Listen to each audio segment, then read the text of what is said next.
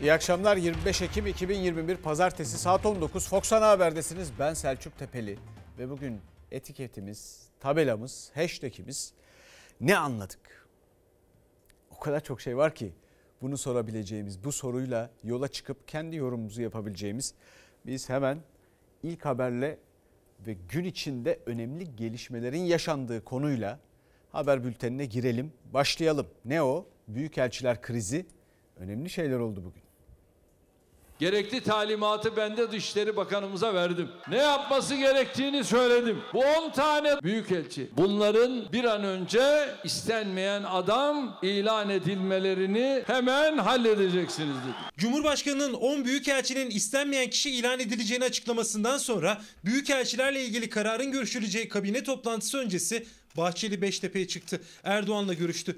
10 büyükelçi sınır dışı edilecek mi sorusu sorulurken Dışişleri Bakanlığı'nın diplomasi trafiği sonrası Kavala çağrısı yapan o büyükelçilerden aynı anda ülkelerin iç işlerine karışmamaya riayet ediyoruz açıklaması geldi. Ne oldu şimdi? Kavala açıklamasından pişmanız mı dediler. 10 ülkede dahil herkes Cumhurbaşkanı Erdoğan'ın zaten adacı atacağı geri adıma zemin oluşturdu.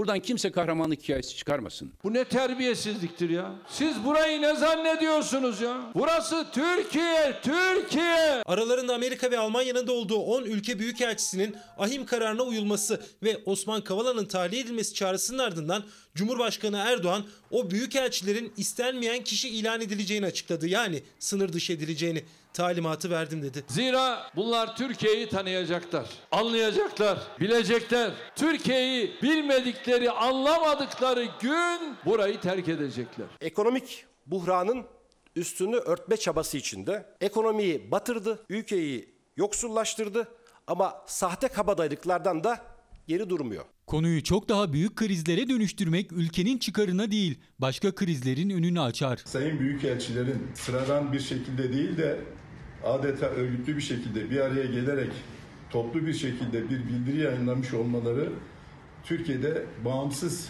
yargı ve bağımsız yargı mensuplarını, tüm hakim ve cumhuriyet savcılarını ve yüksek yargı mensuplarını derinden yaralamış ve üzmüştür. İnfiale neden olmuştur. Muhalefet iktidarın tavrını eleştirirken Yargıtay Başkanı Mehmet Akarca da büyükelçilerin Kavala açıklamasına tepki gösterdi.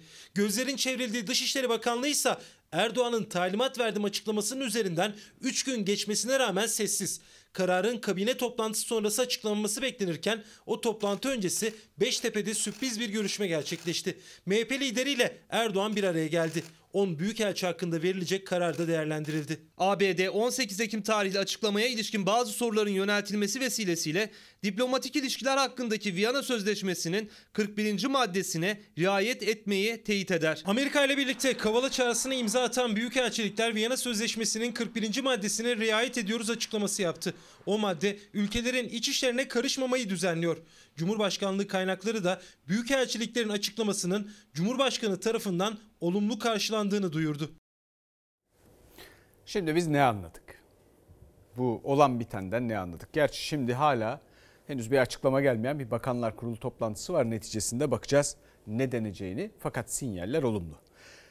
Burada benim naçizane bakış açım hep söylediğim, tekrar ettiğim şey. Yine tekrar ediyorum. Besbelli burada bir pazarlık oldu. Diplomasi pazarlık demek. Ortada bir kriz vardı ve neticede bir yere ulaştı. Şimdi yapılması gereken şey bu kadar çok memnuniyet duyduğunuzu duyulduğunu hissettiğim bu ortamda yapılması gereken şey parmakların sayılması. Bilhassa da el sıkışanların parmaklarını saymasıdır. Neden?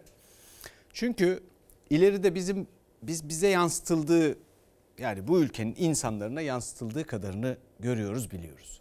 İleride bu pazarlığın arka planında başka ne çeşit konuların gündeme geldiğini zamanla görürüz. Ve onların bizim için iyi mi kötü mü olduğunu, nasıl bir intiba bıraktığını anlarız. O yüzden de biraz sabretmek gerekir ve bu arada da parmaklarımızı saymamız lazım. Ama neticede olmayacak şey olmadı. Yani o şimdi herkes Viyana Sözleşmesi ne diyor filan onu yorumlamaya çalışıyorlar. İngilizcesiyle Türkçesinde de ifadede farklılıklar var. Gerçi şunu da söylemem lazım. Kanun maddeleri ya da kurallar yazıldığı gibi değil okunduğu gibidir. Ve biz buradan yine herkesin istediğini anlayabileceği bir tabloyla karşı karşıya kaldık. İstediği gibi bir yorum yapabileceği bir tabloyla karşı karşıya kaldık. Bakalım bir kere bu büyükelçiler henüz gitmedi. E, belli ki öyle anlaşılıyor ki gitmeyecekler. Ha bu biraz yani metinde bakıyoruz bu büyükelçiliklerin yaptığı metin açıklamada. Herhangi bir taahhüt altına girmedikleri de ortada. Bir taahhüt altına girmiyorlar. Zaten var olan bir şeyin tekrarı o söylenen. Dolayısıyla pazarlıkta arka planda neler olduğunu ileride anlarız. Ama bir miktar doları düşürdü mü? Bir miktar düşürdü. En azından bir etkisi olabilir mi? Belki de olabilir. Dolayısıyla bu memleketin ekonomisine doları düşürme yönünde küçücük bir etkisi bile olsa iyidir. Çünkü dolar 9.85'i görmüştü. Yani Türk lirası 9.85 Türk lirası 1 dolar edecek kadar düşmüştü başlaya bugün başladığında. Sonra bir miktar gevşedi. Fakat benim asıl kafama takılan şu. O iniyor çıkıyor filan zaten çok yüksek oranlarda seyrediyor ve ekonomi allak bullak olmuş durumda ama benzine gece yarısından itibaren 44 kuruş daha zam geliyor. Ve benzinin litresi 8 lira 36 kuruş oluyor. Şimdi bakalım ekonomiye. İşim yok benim. Bak ben şunu bak Türkiye zaten dolarla işi zaten 40 lira 50 lira kuruş artıyor ya. Yarın bir gün ne olacak o domates? 7 lira mı 8 lira olacak. Olmasa da dolar borcumuz alışveriş yapıyoruz biz de. Aldığımız her şeyden etkileniyoruz yani. Gene hayat pahalılığı olarak yansıyacak. E, Yani her şey pahalanacak. Dolar 9 lira 85 kuruşla yeni rekorunu gördü. Oysa çok değil ayın başında 8 lira 85 kuruştu. Asgari ücretliye alım gücü endişesi sarmışken büyükelçiliklerin açıklamasından sonra geçen haftayı kapattığı seviyesine geri döndü dolar kuru. Ancak hala asgari ücret 300 doların altında. Dolar rekor üstüne rekor kurarken maaşlar da her rekorla birlikte daha da eriyor. Sadece asgari ücret 25 günde 33 dolar eridi. Maaşlar erirken tüketim mallarının fiyatları da yükseliyor. Yani alım gücü giderek düşüyor. kemeri iki diş daha sıkmak lazım. Et yiyeceksem ayda bir değil de iki ayda bir yiyeceğim. Sebze ürünlerine yöneleceğim. Melemene yöneleceğim. Domatese peynire yöneleceğim.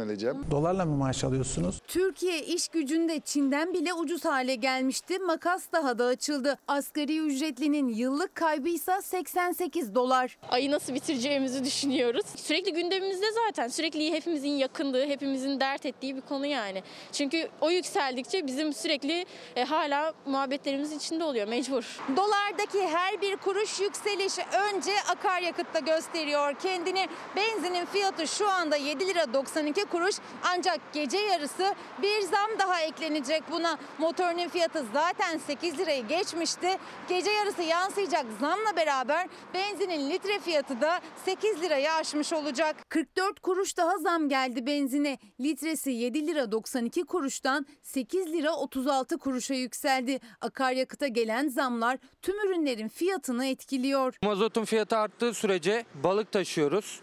Balığın da fiyatı artacak. Atıyorum tekstilci kot taşıyor, kotun da fiyatı artacak. Gelen zamlarla birlikte akaryakıtta hep 50 liralık alıyorum diyenlerin devri de kapandı. Çünkü 50 liraya alınan benzinle İstanbul'da bir yerden bir yere gidip geri dönmek neredeyse mümkün değil. 50 liraya aldın mı zaten bir sokaktan çıkıyorsun bir bakıyorsun tekrar lambası yanıyor. Boş depoda 100 liralık alıyorsun. Hastaneye gidip geldik. 200 liralık benzin zaten trafik gitmiyor. Dur kalk dur kalk. Tüketici, esnaf dövize bağlı artan fiyatlardan dertli. Sadece akaryakıt değil de her şey çok pahalı. Hem yakıta çok gidiyor hem giderlerimiz çok. Bizim kendi marketimiz var. Toptan fiyatlar bile çok pahalı. Düşünsenize yağ alıyoruz 95 TL toptan fiyatı. Biz bunu müşteriye ne kadar satabiliriz ki?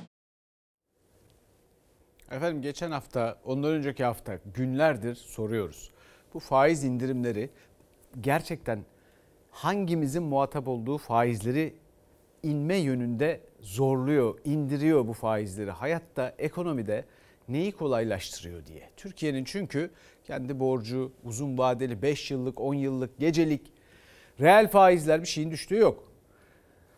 Şimdi bununla ilgili 3 kamu bankası faiz indirdi Gerçi o arada bir takım çelişkili ilginç açıklamalar var. Mesela ticari bir tanesi ticari faizlerde bir indirim, ticari kredi faizlerinde bir indirim yok dedi. O Merkez Bankası ile çelişkili bir durum. Çünkü Merkez Bankası ben kredi e, e, musluklarını açmak istiyorum diyor bir miktar. Çünkü ticari kredilerde ihracatı teşvik etmek istiyorum diyor. Dolayısıyla beklenenden fazla daralma var. Ben de faizi o yüzden indiriyorum diyor filan. Bir banka diyor ki hayır ticari krizlerde indirmiyor. Şeyde kredilerde indirmiyoruz faizi. Garip şeyler. Neyse.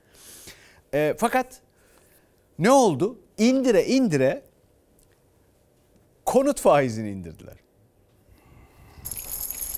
Sadece inşaat sektörüne bir katkısı olabilecek 200 bas puanlık bir indirimi e, görüyoruz. Ekonomiye e, ne bir yatırım e, ne de bir satış bağlamında katkısı olmayacaktır. O kadar eksik bir adım ki vatandaşa can suyu olacak bir adım değil. Çünkü bu sadece satıcıyı fiyatı bir nokta daha, bir adım daha yükseltmek için başka bir can suyu oldu. O tarafta indirim oluyor taraftan bu tarafa zaten bindiriliyor. Değişen hiçbir şey yok ki sadece bir göz boyaması var. Yok hepsi düşecek.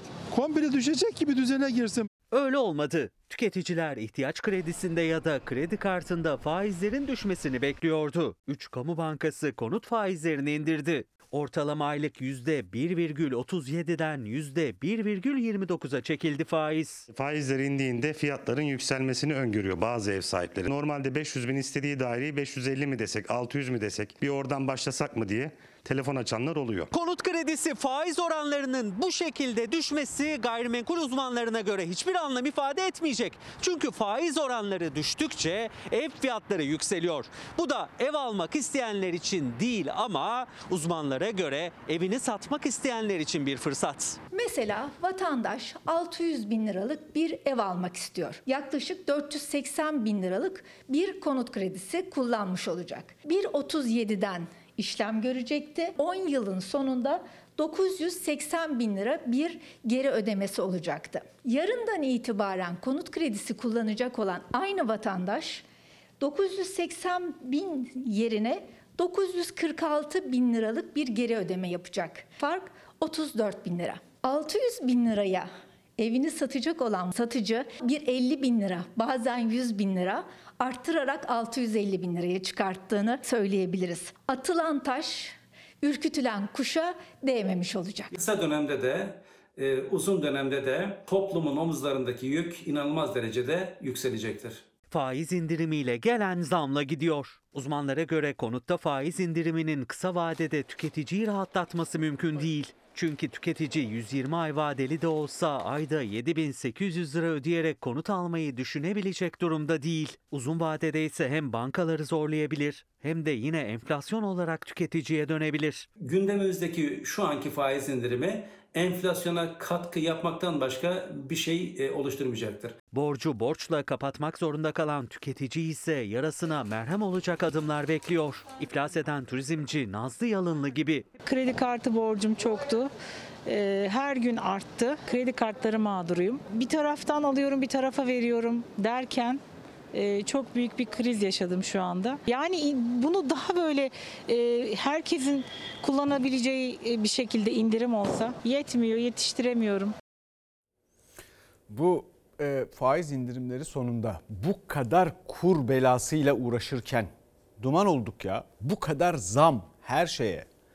Üstelik seçmenden bahsediyoruz. Bir iktidar partisi.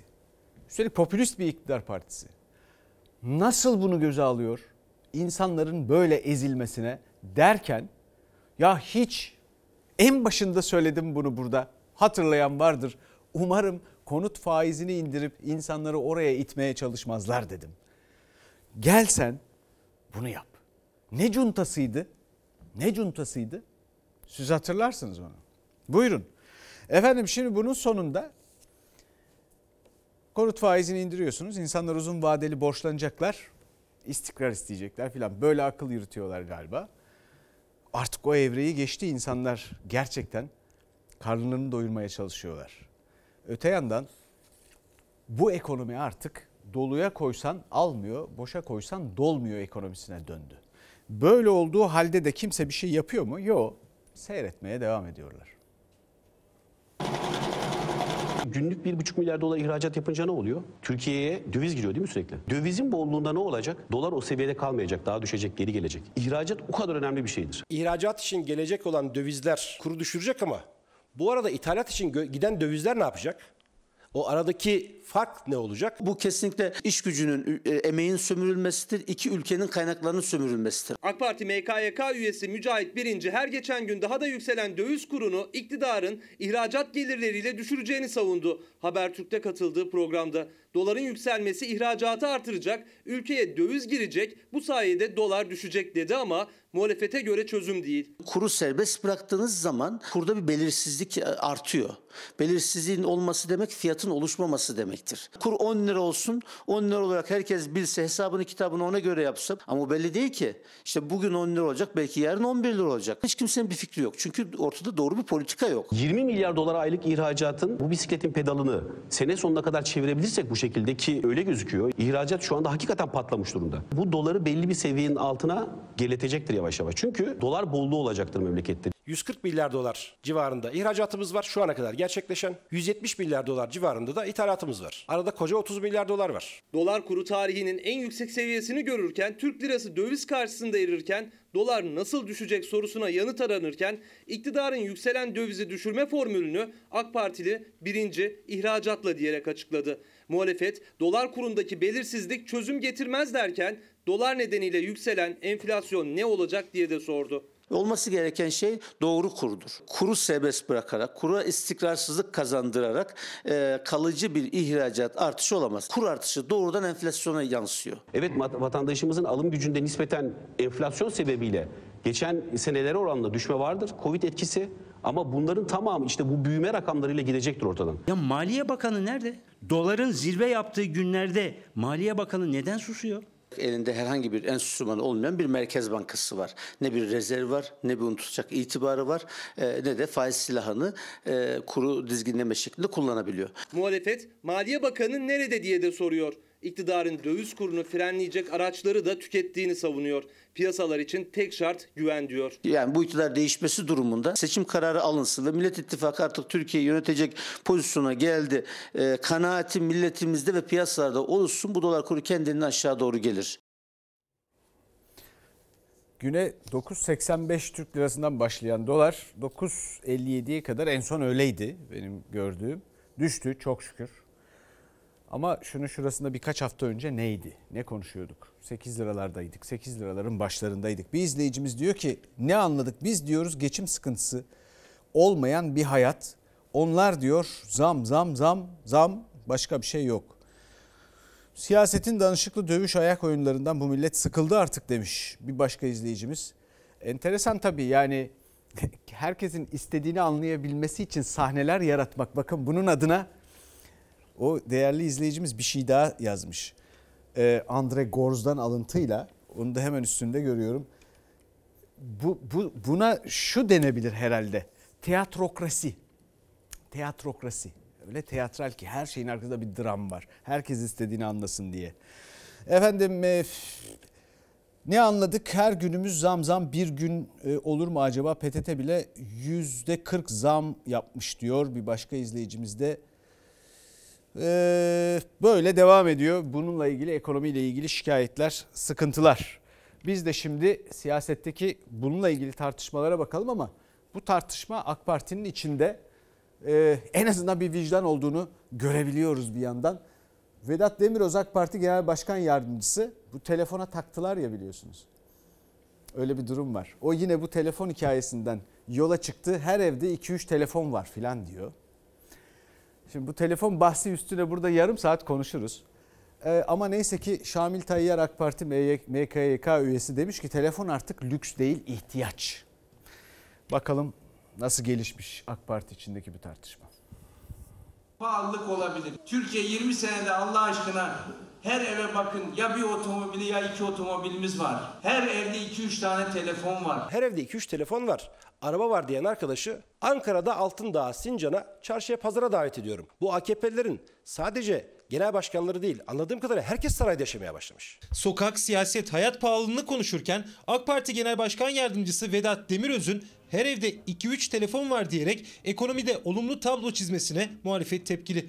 AK Parti içinden de ses yükseldi. Ev, araba, bilgisayar, cep telefonu lüks değil ihtiyaç oldu. Şimdi kendi oluşturduğumuz sınıfa yabancılaştık. Çatışıyoruz. Yazık. Emekliye destek vereceğiz. Eyvallah bu şartlarda yaşanmaz. Biz de onu biliyoruz. Asgari ücretliye destek vereceğiz. AK Parti Genel Başkan Yardımcısı Vedat Demiröz emekli maaşıyla asgari ücretle yaşamanın zorluğuna dikkat çekti. Hayat pahalılığını da kabul etti ama yapılan duble yolları telefon kullanımındaki artışı örnek göstererek ekonominin iyi, alım gücünün de yüksek olduğunu söyledi. Doğalgaz Türkiye'nin gitmeyen ilçeleri kalmadı. Elektrik desen öyle. Yollar zaten onları saymıyorum. Her eve bakın ya bir otomobili ya iki otomobilimiz var. Her evde iki üç tane telefon var. Her evde 2-3 telefon var. Öbür AK Parti vekili çıkıyor diyor ki lükslerinden kızsınlar. Allah'tan korkmazlar. Kuldan utanmazlar. Millet aç aç. Milletin elindeki bin liralık telefona mı taktın kafayı? Kendisi Türkiye İstatistik Kurumu'nun anketine bir baksın. Maddi yoksunluk oranı %25'in üzerinde. Her evde iki tane otomobil şey var falan diyor da 23 milyonun üzerinde böyle insan söz konusu maddi yoksun. TÜİK'in 2020 yılı maddi yoksulluk araştırmasının sonucunu hatırlattı. Deva Partili İbrahim Çanakçı Fox TV ile Çalar Saat programında TÜİK araştırmasında hane halkına çamaşır makinesi, televizyon, telefon, otomobil alabiliyor musunuz diye soruyor. TÜİK'e göre Türkiye'nin %27,4'ü alamadığını söylüyor. İşsizlik rekor düzeyde. Dolar 9.80'lerde Türk lirası pul edilmiş pul. Bütün bunlar yokmuş gibi esnaf, çiftçi, işçi, emekçi, emekli kan ağlamıyormuş gibi her evde 2-3 tane telefon var. Ben milletvekili emekli maaşıyla yaşayan biriyim. Doğrusunu isterseniz ben de yoksullaştığımı hissediyorum. AK Parti MKYK üyesi Orhan Miroğlu da yoksullaştığımı hissediyorum açıklaması yaptı. AK Partili Vedat Demiröz'ün her evde 2-3 telefon var cümleleri sonrası. Şimdi AK Parti'nin ilginç genel başkan yardımcıları var. O kadar çok var ki zaman zaman yeni biriyle karşılaşıyoruz. Yüzünü de bir sonraki konuşmasında unutmuş oluyoruz ve böyle bir polemik başlatıyorlar. Daha önce telefonla ilgili konuşulmuştu ama sayı verilmemişti. Şimdi 2-3 telefon falan gibi bir sayı var. Ya telefonsuz bu ülkede aşı randevusu alamıyorsun. Bilgisayarsız, telefonsuz, HES kodu alamıyorsun. Bir yere giremiyorsun. Bak gideceksin bir işin var değil mi? Bir kamu kurumuna gireceksin. Alışveriş merkezi, markete bir şeye gireceksin. Giremiyorsun. Telefonunla yapman lazım bunu. Bu telefonların lüks olduğu fikri kafanızda nasıl oluştu sizin? O zaman kamuyu buna göre düzenlemeyin kardeşim. Efendim e, insanlar böyle telefonla ilgili filan suçlanıyorlar veya otomobille ilgili filan suçlanıyorlar. Yani demek ki nasıl söyleyeyim bütün bunların da olmadığı bir durum bizim doğal durumumuz. Yani fakirlik içinde kırılan bir üçüncü dünya ülkesi. Yani lütfetmişler. Bu noktaya kadar gelinmesi lütfetmişler. Ya kaç trilyon dolar harcadı bu ülke? Bu harcanan 20 yılda harcanan bu kadar trilyon dolarla bu ülkeden bir tane daha kurulurdu. Bu 20 yıl gibi bir süre içinde Güney Kore diye bir ülke yarattı adamlar. Dünyanın en büyük 10 markası içinde 2-3 tane markaları var adamların ya. Ya bunu daha nasıl anlatalım? Yani ne anladık? Durum bu. Ama başka bir şey daha var. Bu ülkenin çalışanlarının yarıdan fazlası asgari ücretle çalışıyor. Ya yani o bir de şimdi tam rakam verirler. 25 lira 50 lira üstü asgari ücret sayılır. Yarıdan fazlası. Bu feci bir şey. Dünyada eşi yok ya. Türkiye'nin üye olduğu OECD'lerde şurada burada bunun eşi yok. Eşi. Almanya'da 1.3, Fransa'da %13 asgari ücretle çalışıyor. Onların saat başı ücreti bizim 10 katımız bu arada. Ve haftada 33, 35 saatten fazla da çalıştırmıyorlar. Bu nasıl bir şey? Ve buradan geçelim şimdi vergideki adaletsizliğe, vergide dilim dilim adaletsizliğe.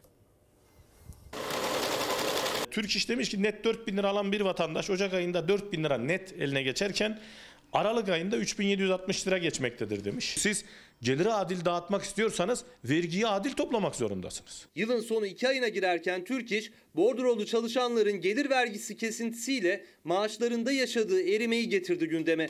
Vergi adaletinin sağlanması için mevzuatta değişiklik yapılmasını talep etti. Hem Cumhurbaşkanlığından hem bakanlıklardan. Ocak ayında aldığımız ücreti Aralık ayında almak istiyoruz. Sendikaların yıllardır ortak tepkisi çalışanların sırtındaki vergi yükü. Çünkü işverenin ödediği maaşın bir bölümü yıl içinde vergi kesintilerine gidiyor. Yani bir çalışanın Ocak'ta aldığı maaşla 6. aydan sonra aldığı maaş arasında uçurum oluşuyor. Gelir arttıkça vergi de artıyor. %35'e kadar çıkıyor. Ocak ayında 2500 lira alan arkadaşımız Aralık ayında 2140 lira para alıyor. Yani bize sözleşmelerde zam falan vermesinler.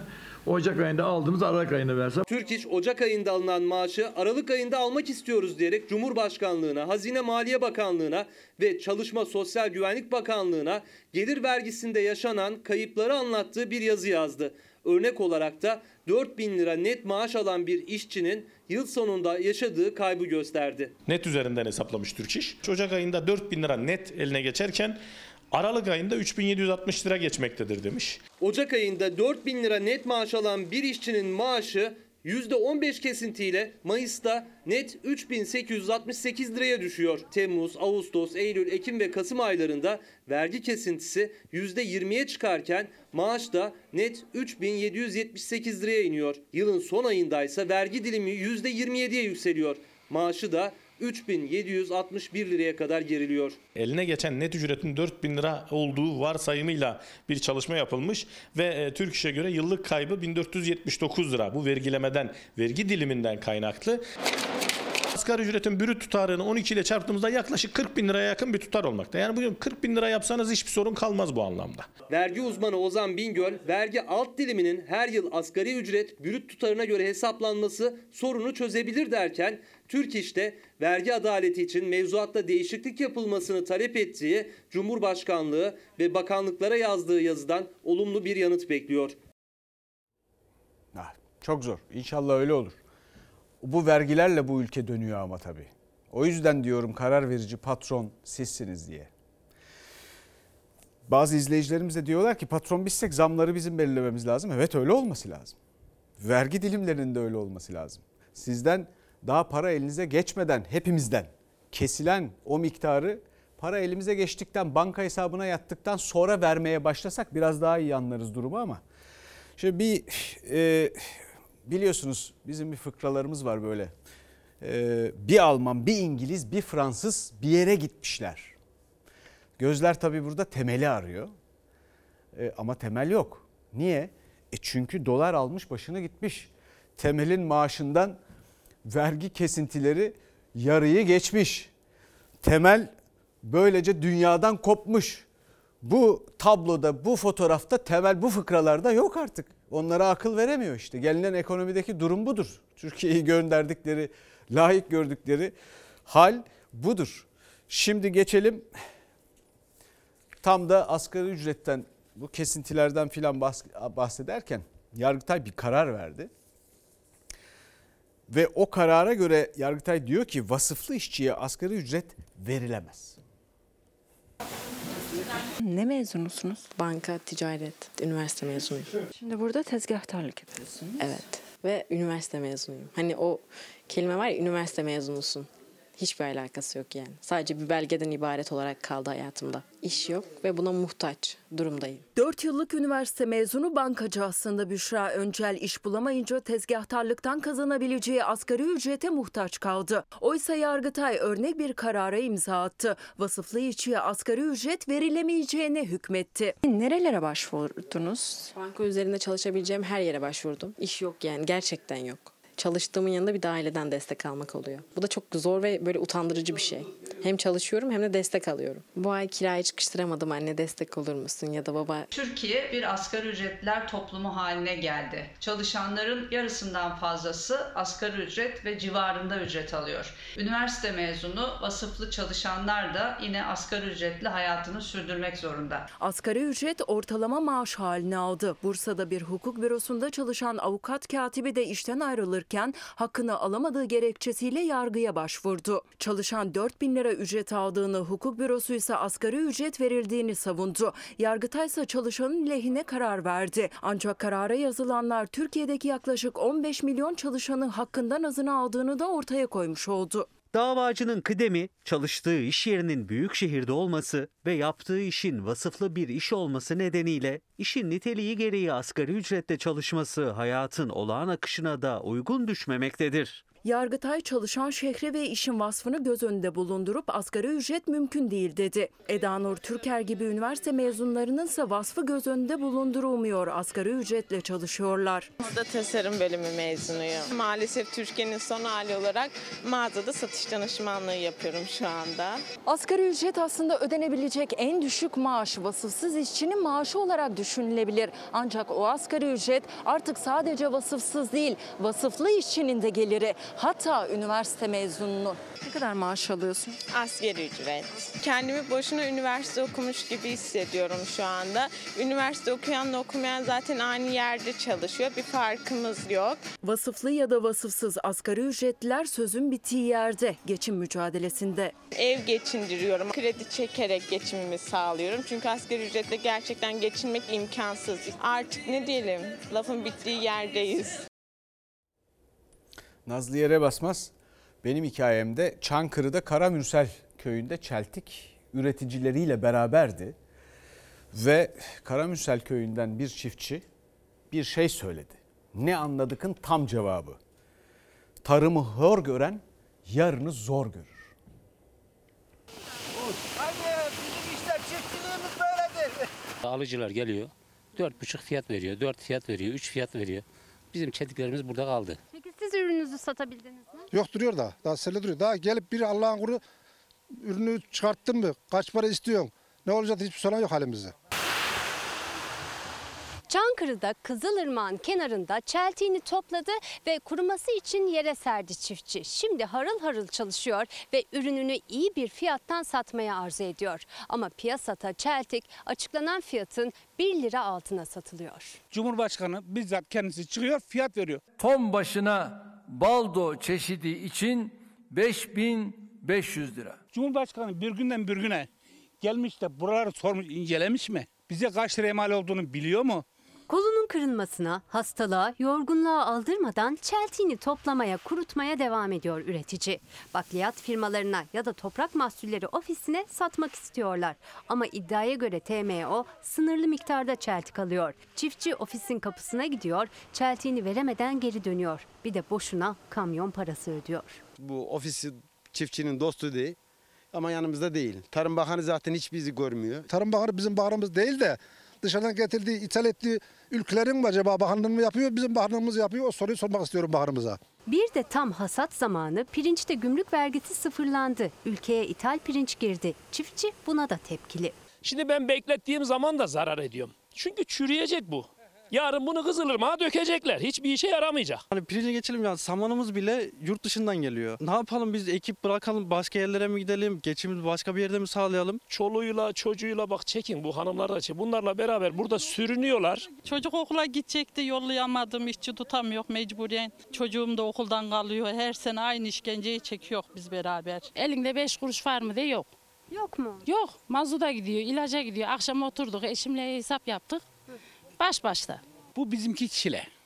Bizi, bize verilen fiyat 5500 lirada olsa dahi içinden çıkmıyor. Yani içinden çıkamıyoruz. Yüksek girdiler nedeniyle ayakta durmakta zorlanan çiftçi bütçelerinden de öte gelecekten endişeli.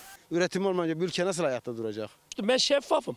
Benim karşıma Cumhurbaşkanı da geçse derim ki evet yıllardan beri sana oy verdi yeter artık biraz da gel çiftçiyle ilgilen gönder milletvekillerini. Bu insanlar burada ne çekiyor? Büyüklerimiz demiş ki milli ekonominin temeli ziraattır demişler. Siz bu ziraatı böyle terk ederseniz, çiftçiyi kaderüyle baş başa bırakırsanız çiftçi mağdur olur. Tarımı hır gören yani zor görer.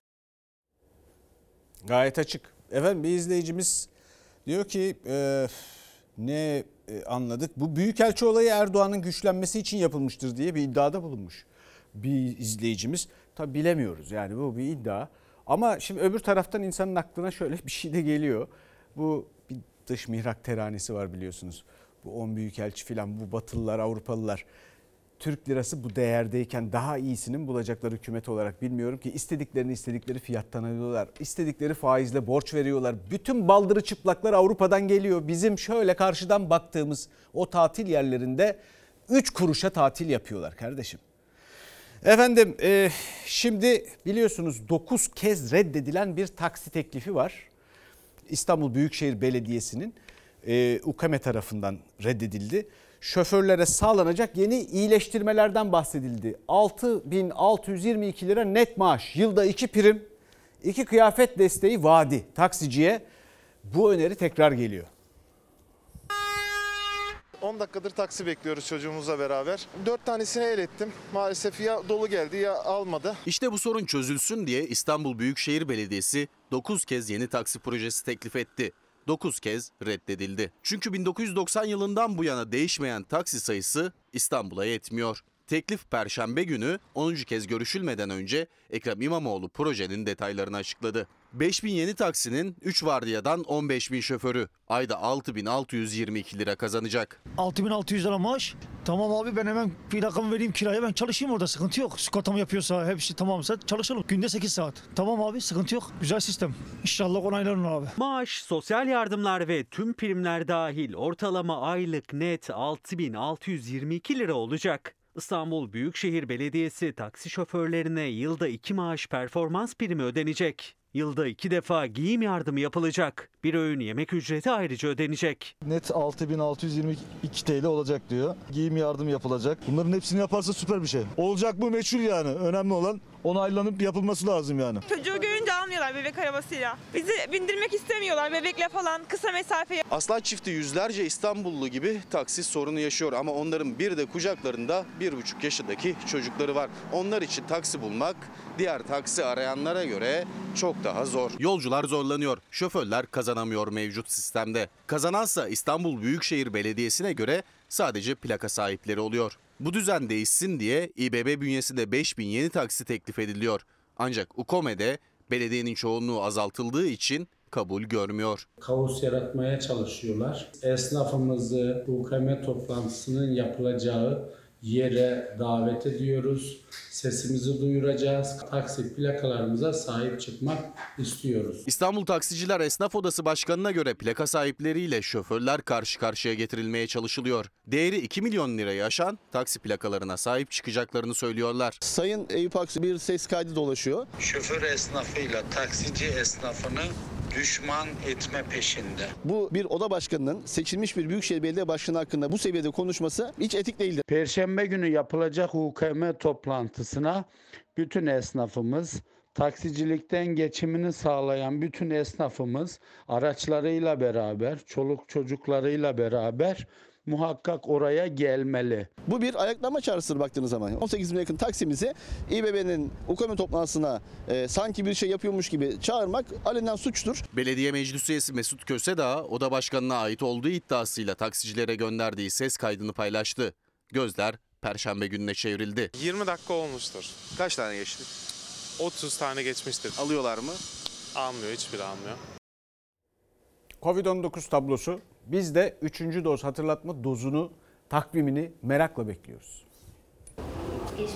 Biz bir yandan aşılama yapıyoruz ama bir yandan da iki doz aşıladığımız kişiler Sinovax'a 3 ay sonra, BioNTech'e işte 7 ay sonra yaklaşık bağışıklıklarını kaybetmeye başlıyorlar ve bu kişilere ek doz aşı yapılması gerekiyor. E şimdi bizim ek doz aşılama hızlarına bakıyoruz. Günlük hep 10 bin 20 bin arasında değişiyor. Son 24 saatte sadece 10 bin kişi 3. doz aşısını oldu. 81 ilin tamamında uygulanan tüm dozlarsa artık 100 bini bile bulmuyor. Türkiye koronavirüs salgınına karşı bağışıklık kazanmak bir yana aylardır uygulanan aşılamanın etkisini de günden güne kaybediyor. Bir yandan günde 200-300 bin kişi bağışıklığını kaybederken biz sadece günde işte 50-60 bin kişi aşı yapabiliyoruz. Böyle olunca %80'lik toplumsal bağışıklık hedefine giderek uzaklaşıyoruz. Toplumda aşıyla korunabilen kişi oranı azalmaya başladı.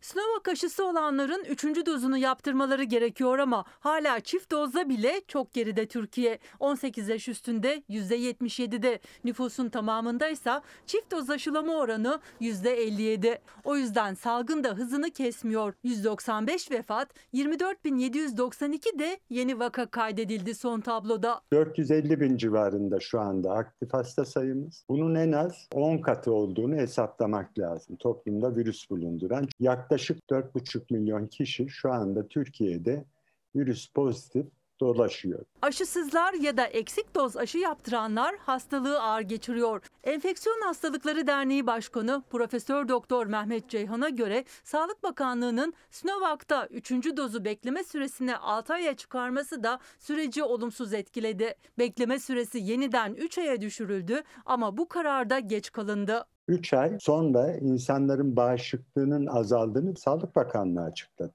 Siz kendiniz 3 4. aydan itibaren bunlar hastalığa yakalanabiliyor dedikten sonra 6 aya çıkarmanın hiçbir ne mantıkla ne de bilimle izah edilir tarafı yok. 6 aya çıktığı için 3. dozunu yaptıramayıp ciddi şekilde hastalık geçiren kaç kişi oldu? Bunu da bilmiyoruz. Gözler kabine toplantısına çevrildi ama haftalardır alınan yeni bir karar yok. Uzmanlara göre ise aşılamaya yönelik bir tedbir alınmayacaksa en azından kapalı alanlardaki kalabalıklara önlem alınmalı. Salgına yaklaşıma baktığımız zaman ben çok yeni bir şey çıkacağını sanmıyorum ama çıkmalı mı derseniz evet yani örneğin kalabalık iş yerlerinde esnek mesai. Onun dışında kalabalık toplantılar, düğünler bunlara bir an önce kısıtlama getirilmesi lazım. Ve doktorların yorgunluk feryadı. Allah-u Teala Kur'an-ı Kerim'den Hocam biz neden öldüğünü biliyoruz ama 36 saat nöbet sonrası 36 öldü. saat nöbet var, nöbet var. 36 saat. Hastane nöbeti sonrası eve dönüş yolunda trafik kazasında hayatını kaybeden 25 yaşındaki asistan hekim Rümeysa Berin Şen'in mesai arkadaşları hem genç doktoru andı hem de uzun nöbet saatlerini, zorlu çalışma koşullarını protesto etti. 36 saat Tam gün hastane nöbetinden çıkmıştı asistan hekim Rümeysa Berinşen. Eve dönüş yolunda bir kamyonu arkadan çarptı hayatını kaybetti. Sağlık meslek örgütleri ve meslektaşları kazanın nedeni uzun nöbete bağlı yorgunluk diyerek ses yükseltti. Çalışırken ölmek istemiyoruz.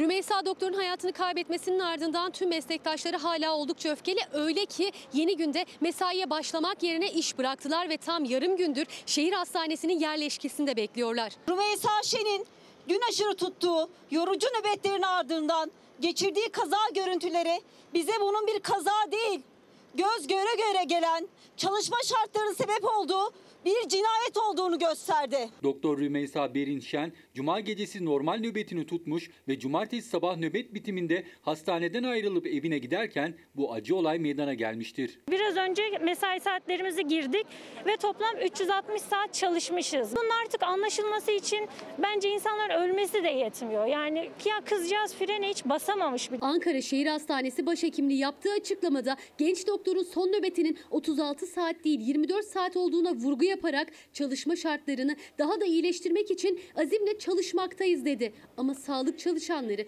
zorlu çalışma koşullarının hemen düzeltilmesini istiyor. Bugün sabah başladım. Akşam nöbetçiyim. Acile geçeceğim. Acile nöbet tutacağım. Sabaha kadar işte gelen hastalara bakacağız.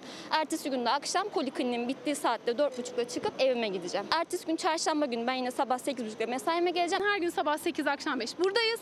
Bunların üzerine aylık 200 saat nöbet tutuyoruz. Ben şu an hamileyim. Ee, 24. gebelik haftama kadar aktif bir şekilde bu 36 saatlik nöbetlerimi tuttum. 36 saat çalışıyoruz, 8 saat normal evde dinleniyoruz. Ertesi gün tekrar mesaiye geliyoruz. Sağlık çalışanları uzun nöbet ve zorlu çalışma koşullarının hem kendi hayatlarını tehlikeye attığını söylüyor hem de hastaların. Yılın televizyon haberi ödülü Fox Haber'e. Fox Haber ekibinden muhabir Yeşim Karacaoğlu, kameramanlar Mahmut Özgün ve Serhat Yağmur'la Virüsün Yolculuğu başlığıyla iki gün boyunca haberleştirdiler. Rahatsızlığı vardı gece şey ateşlendi onun için ge- buraya geldik. Peki korona testi yaptırdınız mı? Yaptırdık. Şimdi nereye gidiyorsunuz? Eve gidiyor. Neyle Akkurt'a gideceksiniz? Hiçbir şeyimiz yok kızım. Neyle gidelim? Ankara'da vaka sayılarının rekor kırdığı günlerde korona şüphesiyle hastanede test yaptıran ama taşıdığı riske karşı toplu taşımayla eve gönderilen vatandaşları haberleştirmişti Fox Haber. Virüsün yolculuğunu. Otobüsünden gidecek. Ama ya pozitifseniz? Bilemiyorum ne yapayım. Ağır semptomlarla teste gelen isimlerden biri de Zeynep Yıldız'dı. Test verdikten sonra evine iki vasıtayla gitmiş, onunla birlikte toplu taşımayı kullanan yüzlerce kişiye virüsü bulaştırma tehlikesine rağmen bir gün sonra test sonucu da pozitif çıkmıştı. Virüsün Ankara'da yolculuğunu ortaya çıkarmıştı Fox Haber. Hangi işi yaparsanız yapın aldığınız sorumluluk aslında özgürce nefes alabildiğiniz, özgürce adım atabildiğiniz bir ortamda gerçekleştiği zaman başarıya ulaşıyor. İşte bizler de aslında böyle bir ortamda çalıştığımız için oldukça gururluyuz ve şanslı bir haber merkeziyiz. Bu, bu yüzden e, bizim bütün yolumuzu aydınlatan tüm mesai arkadaşlarıma, tüm yöneticilerime çok teşekkür ediyorum. O haberin altında imzası olan Fox Haber muhabiri Yeşim Karacaoğlu ve kameramanlar Mahmut Özgün, Serhat Yağmur, Çağdaş Gazeteciler Derneği yılın televizyon haber ödülüne layık görüldü. Benim eşim de bir sağlık çalışanı. Onun ne kadar çok yorulduğunu, yıprandığını ben bizzat biliyorum. Ee, onlar bu süreçte bol bol alkış aldılar, teşekkür aldılar ama haklarını bir türlü alamadılar. Umarım en kısa zamanda haklarını da elde ederler. Tebrikler. Bir dakikada görüşmek üzere. Son zamanlarda can sıkıncı bir manzara var ülkede. Her olaya, her gelişmeye herkes kendi cephesinden yaklaşıyor. Cepheyi özellikle telaffuz ediyorum çünkü siyasette cephe falan olmaz. Bilhassa unutulmaması gereken bir şey var. Siyasiler aralarında tartışır, şu olur, bu olur. Fakat seçmen birbirine sırtını dönemez. Hiç kimse hiç kimseyi verdiği oy nedeniyle sonra iyi netice getirsin veya getirmesin. Ayıplayamaz. Öyle bir şey yapabiliyor olsaydı zaten oyun bir kıymeti olmazdı. O yüzden de oy ayıplanabilecek bir şey değil. Seçmen birbirine sırtını dönmemelidir. Bu ülkenin patronu sizsiniz. Efendim bizden sonra Yasak Elma var yeni bölümüyle. Yarın görüşmek üzere. İyi akşamlar. Anadolu bir yanda, yiğit yaşar koynunda. Aşıklar destan yazar dağlarda. Kuzusu